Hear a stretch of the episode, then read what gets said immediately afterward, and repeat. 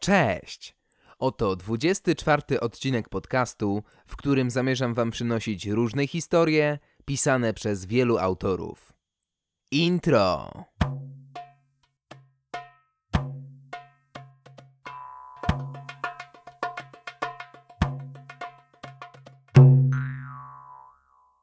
A dziś w oczytanym kameleonie będziemy mieli szansę zapoznać się z tekstem pod tytułem Bajka o głupim rycerzu autorstwa Tarniny. Zapraszam do słuchania. Dawno, dawno temu, a może i dawniej, żył sobie rycerz błędny Grzmisław herbu Biała Pawęż. Zwyczajem błędnych rycerzy pałętał się on po świecie w poszukiwaniu dziewic w opresji, a co się na jaką wtarabanił, to ją z poświęceniem ratował. Oj, nierdzewiały miecz, kopia i insze rycerskie utensylia, nierdzewiały. Weźmy chociażby wyprawę, którą podjął dla ocalenia dziewicy imieniem Kachna, co to ją zły czarownik w niedostępnej kotlinie więził. Tak powtarzali bajarze od wybrzeża perłowego aż po smocze góry. Musiała to zatem być prawda tak prawdziwa, jak prawdziwe jest słońce na niebie. To też ruszył Grzmisław przez siedem gór stromych, siedem puszcz ciemnych, siedem mokradeł urocznych i jeden strumyk, bo drogę zgubił. Ale dotarł. Stanął w kotlince zielonej, kwieciem umajonej i dalejże wołać. Hej! I echo mu odpowiadało. Hej, hej, hej. A głos echo miało męski, zuchowaty, do słodkiego sopranu dziewicy nijak niepodobny. Jedzie rycerz stępa na swoim wiernym rumaku, jedzie, rozgląda się, oczy sobie wypatruje. Nic. Kamień jeden, drugi, piąty, cała ich sterta omszała. Nikogo. Hop, hop! zawołał Grzymisław, a echo poniosło się wśród skał. Hop, hop, hop. I nic. Pojechał zatem rycerz wolniutko dookoła kotlinki, cały czas wołając hop hop, hej, halo! Ale ani panny, ani czarownika do zgładzenia, ani niczego niezwykłego nie znalazł. Poskrobał się zakutym w blachę palcem po równie zakutym czerepie, a wtedy i zgrzyt metalu powtórzyło niezmordowane echo. Nagle, jak nie zadudni, Grom wstrząsnął skałami, zadzwonił w rycerskim hełmie. Ależ niebo było jasne. Rycerz ściągnął wodze, bo koń pod nim zatańczył. Potem uniósł przyłbicę. Ani chmurki. Musi złe czary, pomyślał. I rozejrzał się czujnie, a wtedy ujrzał o straszny widok. Głazy z przeraźliwym zgrzytem i dudnieniem przesunęły się i uniosły w powietrze. Dobył zatem zuch Grzymisław miecza i huknął. Stań podły magusie do uczciwego boju. Ja, Grzmisław, wyzywam cię. Rumor zabrzmiał tak głośny, że koń rycerza stanął dęba. Rycerz zaś wylądował na ziemi, aż mu gwiazdy przed oczami zamigotały. Wtem strach nad strachy. Olbrzymi głaz zniżył się tak, by dwiema czarnymi szparami, niby ślepiami, zajrzeć w grzmisławową przyłbicę, która opadła przy uderzeniu. Kamienne obręcze zacisnęły się z chrzęstem na białej zbroi i rozległ się głos, jakby ktoś skałą o skałę tarł. Czego? Rycerz nic nie odrzekł, ponieważ go zatkało. Czego mi tu? Zgrzytnęły kamienie. Nie jeden dureń po górach łazi, ale takiej niemoty jeszcze nie widziałam. Jakem kachna. Kachna? wykrztusił Grzmisław. Cna dziewico, jakimiś straszliwymi czarami ukrzywdził cię wstrętny i niegodny. Czyś ty się blekotu objadł, puszko po tanim piwie. Kamienna olbrzymka szczęknęła, zgrzytnęła, a Grzmisław poczuł, że lżej mu oddychać. Zmykaj stąd, pókim dobra. Pod nogami rycerz miał nagle twardą ziemię. Choć zachwiał się w pierwszej chwili, zaraz stanął pewnie w przepisowej postawie bojowej. Zgrzytnął miecz dobywany z pochwy. Walcz, poczwaro! Idź się utop. I znowu kamienne palce zacisnęły się na jego piersi, wiatr zagwizdał przez uszy i Grzmisław ocknął się nieco pogięty na krzaku. Kotlinki, olbrzymki, a co gorsza także jego wierzchowca, nie było nigdzie widać. Wyplątawszy się jakoś z gałązek, zdobył sobie Grzmisław podjezdka na trzech wędrownych łotrach. Wyklepał z grubsza zbroję z bujeckim nadziakiem i ruszył dalej, bez celu, bo mu kodeks jego bractwa niepotrzebnego myślenia o przyszłości zabraniał. Stanął na popas w małej wiosce, a tam, akurat pod drzwiami izby, chłopstwo kłóciło się za wzięcie. Usłyszał rycerz coś o smokach, potem o pannie Agnieszce. A, pomyślał z ukontentowaniem, oto dziewica, którą ocalę.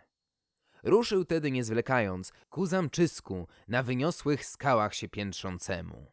Wysoko to było, droga do zamku wiodła wąska, górzysta, skalista, kręta i ogólnie niemal wertykalna, aż się licha szkapa zasapała. Ale jakoś szła. Jechał Grzmisław, jechał, a tu nagle smok! Ucieszył się dzielny rycerz, bo gdzie smoki, tam muszą być i dziewice. Zeskoczył z konia, brzęcząc i dźwięcząc i w przelocie zauważył, że gad nie oszałamia ogromem. Prawdę mówiąc, smok sięgał mu mniej więcej do klamry pasa. Ale łuski miał, pysk, ognisty zapewne, miał oczy jak agaty, a na chwata Grzmisława popatrywał koso, choć cosik tempo. A, poczwaro, zagradzasz mi drogę do cnej dziewicy? Stawaj! Smok kichnął. Przestąpił z łapy na pazurzastą łapę, nie przestając się gapić spod oka. Nagle wyciągnął szyję i nim się rycerz spostrzegł, zaglądał już w smocze nozdrze. Z bardzo, ale to bardzo bliska. Nie stracił jednak ducha, szczęknął dobywany miecz. Broń się, gadzie! I Grzmisław pchnął ostrzem z całej siły, a sił mu nie brakło. Potwór wizgnął, pisnął, sapnął i legł na środku dróżki, dysząc ciężko. Gapił się przy tym na Grzmisława, aż rycerz, y, ciut zmieszany, zamachem miecza odrąbał mu łeb. No, trzema zamachami. Kilkoma. Miecz się tępił na łuskach, ale w końcu podołał zadaniu. Wreszcie, gdy już po tej rzeźnickiej robocie Grzmisław przeciągnął jakoś konia obok padliny, skręcił za skałę i ujrzał bramy zamku, należycie strzeliste, jak również potężne mury z przyporami, ostrołukami i wszelkimi gotyckimi fidrygałkami. Niewykluczone, że trafiło się też parę fidrygałek y, z innych okresów.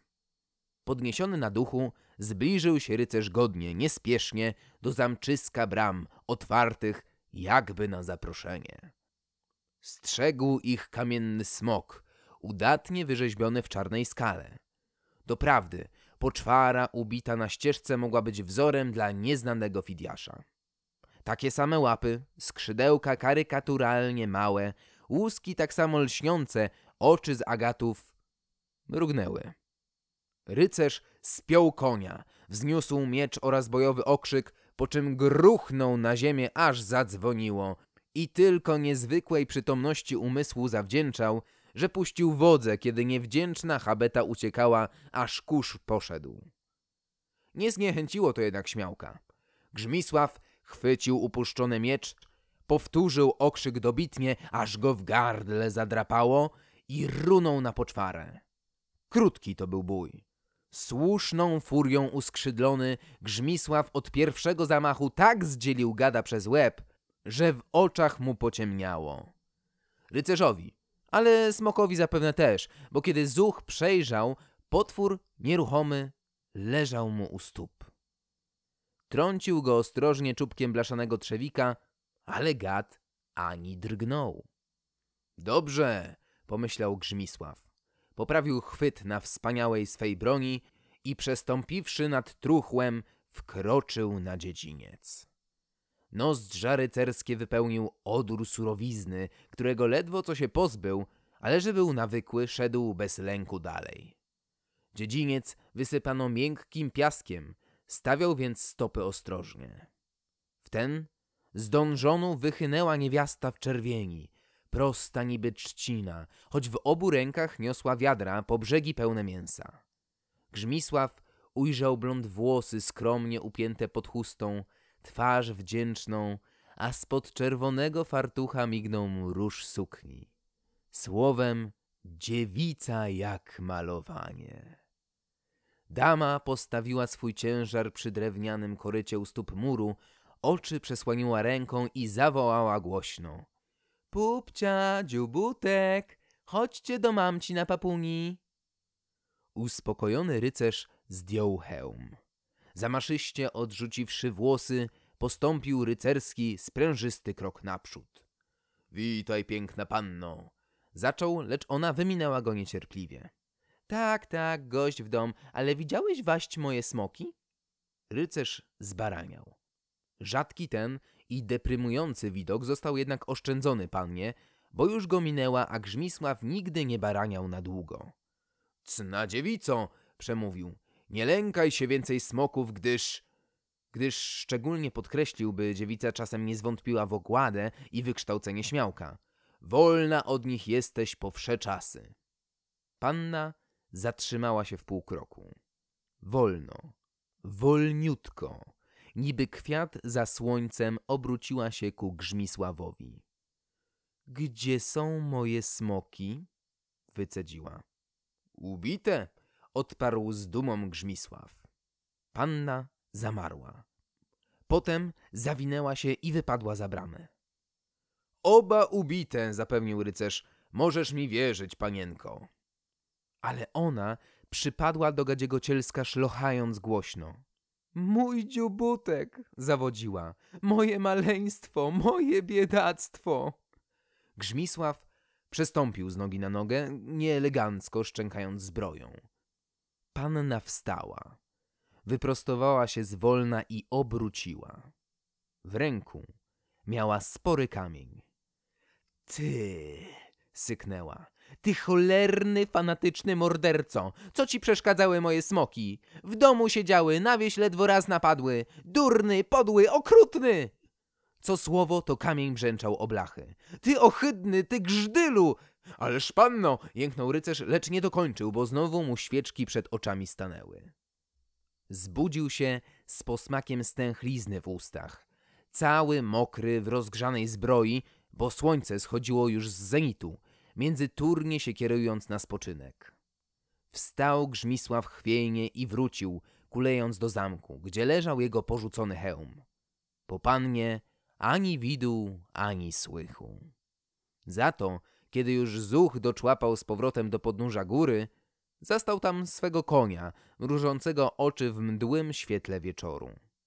Pojechał zatem dzielny rycerz dalej, wszędzie pilnie nadstawiając ucha, czy o jakiejś dziewicy w opresji nie usłyszy. Nie minęło wiele czasu, a zwiedział się o jednej, całkiem niedaleko, zamkniętej w niebosiężnej wieży. A zwała się ta panna, wedle słów Grzmisławowego rozmówcy, Dorota. Cóż za piękne imię i jaką słodyczą tchnące.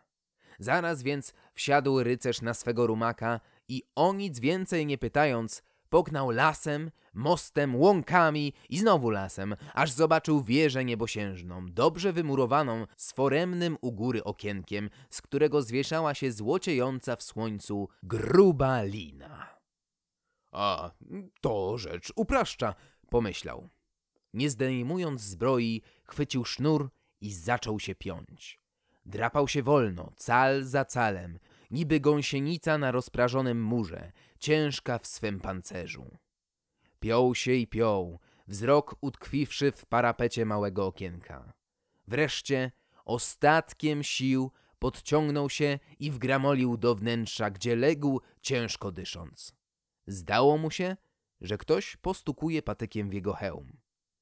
Mamo! zapiszczał świdrujący głosik. A co to za pan?